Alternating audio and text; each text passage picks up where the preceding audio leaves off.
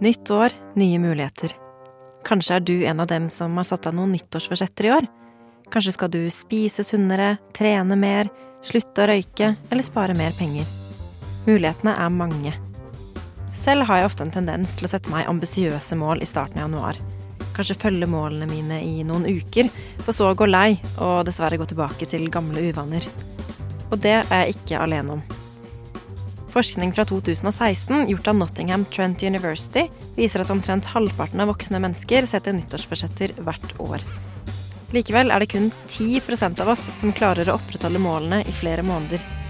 Hvorfor er dette så vanskelig?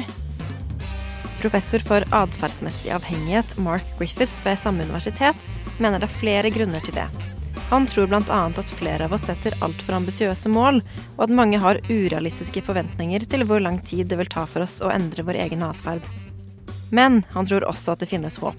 Så dersom du har noen mål du virkelig vil få til i 2019, så kan du finne frem notatblokken nå. Ifølge professoren er det første man burde tenke på, å sette seg realistiske mål. Dersom man ønsker å trene mer, lytter det ikke å gå fra å ikke trene i det hele tatt til å trene fem ganger i uka. Han tror det kan hjelpe å sette mål som er delt opp i kortere perioder, som f.eks. å starte med å trene to ganger i uka. Han tror også at det hjelper å ha ett mål om gangen.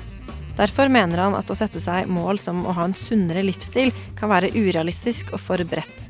Kanskje er det bedre å fokusere på én ting, som f.eks. å spise litt mer grønnsaker hver dag. Griffiths tror også at det hjelper å fortelle andre om målene dine.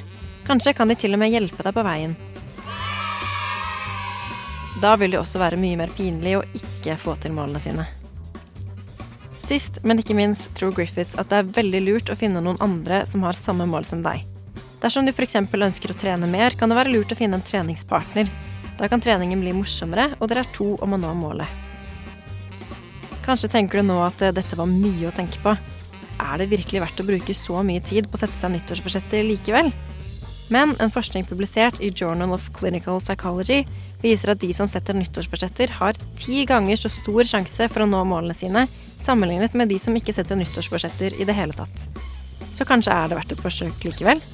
Kanskje er 2019 endelig det året du klarer å nå dine nyttårsforsetter.